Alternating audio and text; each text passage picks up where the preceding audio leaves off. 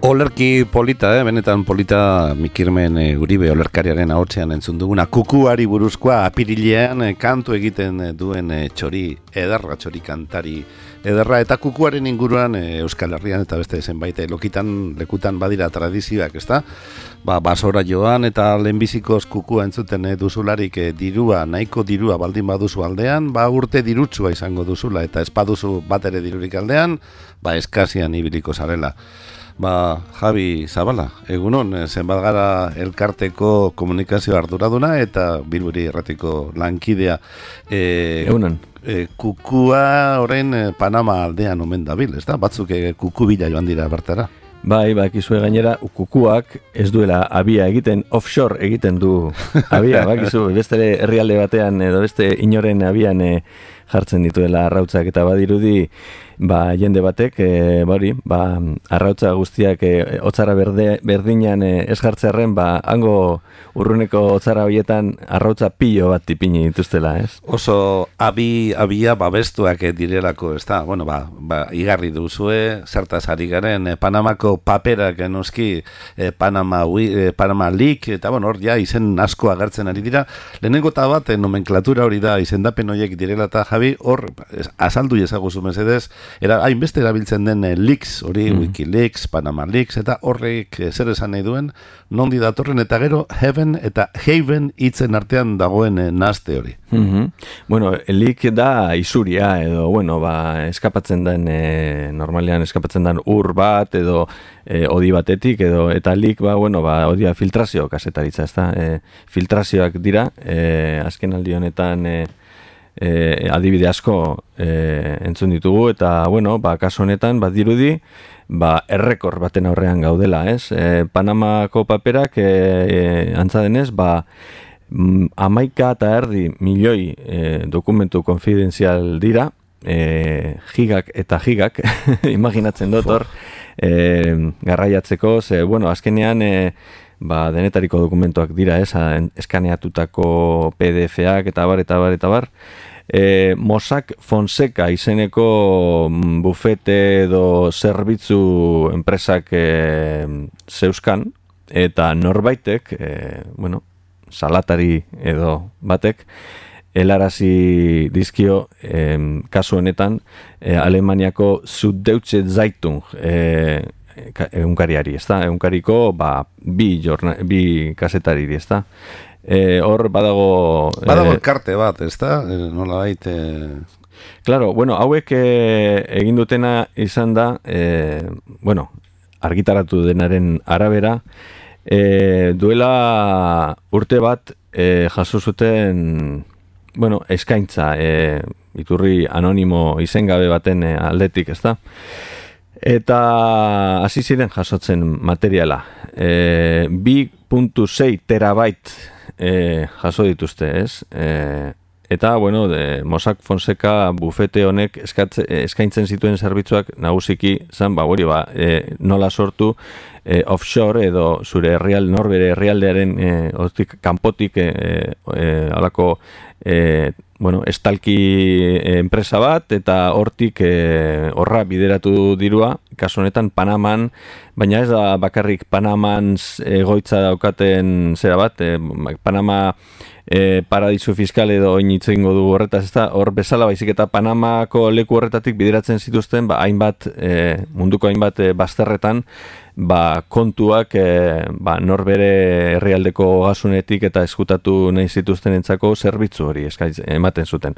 Orduan zer e, Mossack Fonseca bueno, e, honek zeuskan e, informazioak ba, ikusten ari garenez ba, e, jente asko, bezero asko zeuden hor, ba, enpresari, futbolari, politikari, instituzio eta bar, eta bar.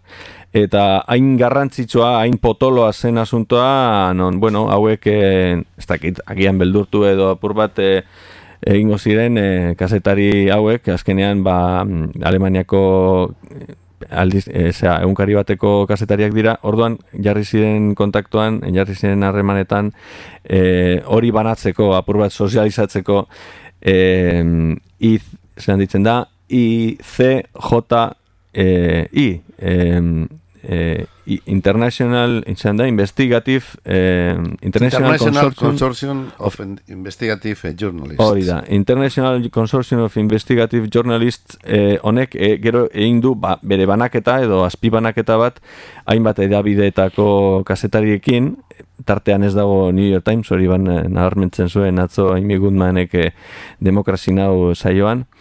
Eta, bueno, ba, hor ja, ba, beste babes badago, e, eta, bueno, koordinatu dira pixkat e, informazioa ateratzen hasteko. Momentuz atera dira bomba batzuk, e, eta gero atera, e, atzo bertan atera zuten, ja, prestatzen egon dira, atzo bertan atera zuten, e, egun e, liburu bat. Orduan, honek segida izango du, eta, eta, bueno, entzun ditu izen potolo batzuk, ez? Lehen komentatu du, e, Igorrek eta komentatu jonek, e, bueno, komentatu dute e, Islandiako kasua, Islandiako kasua, bueno, kontrasteagatik, e, bueno, oso pff, nabarmentzeko kasua da, ez da? Izan ere Islandiako da, Sigmund David Gurlausson e, lehen ministroa iruzurgileetakoa da, bera zuzenki esanguratsua izan zen, e, bere gana joan zeinean, ba, galdetzera, ba, totelka eta eta gero ieska ikustea eta kasetariaren galderen aurrean eta bueno, atzo iragarri zuen e, dimisioa emango zuela. E, esan duten bezala, bueno, ba, ez dute ez du edo eskatu diote ez dimititzeko baina e, horre ere bai e, badago Islandian indignazio handi bat e, eta Islandian existitzen den gizarte txiki eta irla bat denezkero e, ostrazismo sozialaren e, kondena hori, eta seguraski honek azkenean alde egin behar izango du Islandiatik. Bai. Hain larria da kontrastea berak defendatzen zuenaren eta azkenean harrapatu duten horren artekoa, Hau da, eh, erretarrek musin egingo diote ez da, Javi? Claro, e, gogoratu behar dugu, bera heldu zala boterera, 2008an, e, ba, e, finantza sistemaren kolapsoaren aurrean, e, 2008ko kolapso horren e, aurrean, e, bera e, gainera aldarrikatzen, ba, jartzea ba, nazioaren interesa, e, finantzia interesaren aurretik jartzea, eta hau, eta beste, eta, eta bla, bla, bla, eta gero ze gertatu da, ba. Berare bekatari. Claro, bere emaztearekin batera, kasu honetan e, Britania handiak edo horren menpe dauden e, Virgin Islands edo Irla Virginia hoietan e, ba zeukala e, offshore enpresa bat bere maztearekin batera. Uh Bueno, e, minutu gutxi gutxi daukagu mm. jabi, baina bai, minutu pare bat, bai behintzat, e, e, berezketa hori egiteko paradisu fiskala eta lehen esan duguna.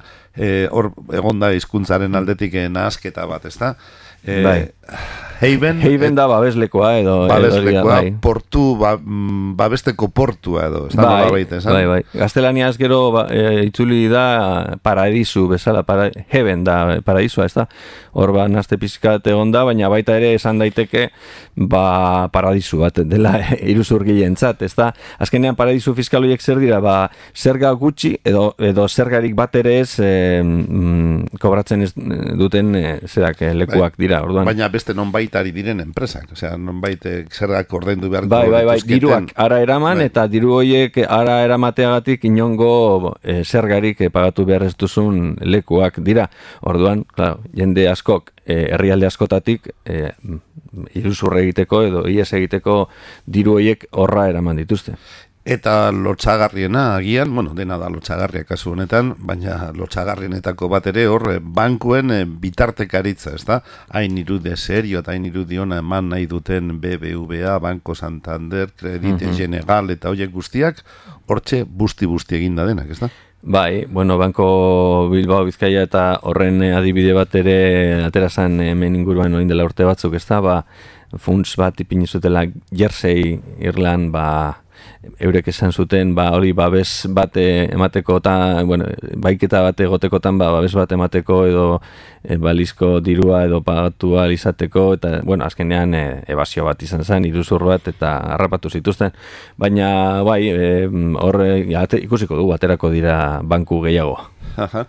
Javi, amaitu behar dugu, baina minutu erdi e, eskainiko dizugu, e, estatu batuetako bosetan e, gertatu diren azken emaitzak, emaitza esanguratsuak direlako, pixka bat titular gisa emateko. Bernie Sanders garaile atera delako zenbait estatutan. Bai, Bernie Sanders garaile atera da, e, demokraten alderdean, egin diren azken estatuetan, e, primariak edo kaukusak egin diren azken estatuetan, eta aldea oraindik e, hartua dio e, Clintonek e, e, ordezkari kopurutan, baina bueno, ba, hor dago leia eta eta errepublikarren aldean ere e, atzo Ted Cruzek e, irabazi zuen Wisconsinen, e, irabazi zion e, Trumpi. Orduan, bueno, hor badago leia oraindik neko estua. Ez da maitu leia beraz. Eta hasi besterik ez da egin eh, Panamako paperen eh, afera hori. Ba, soka luzea eta kate luzea ekarriko duena ondotik. Ba, Javi Zabala, mila esker eta urrengo baten arte. Urrengo arte.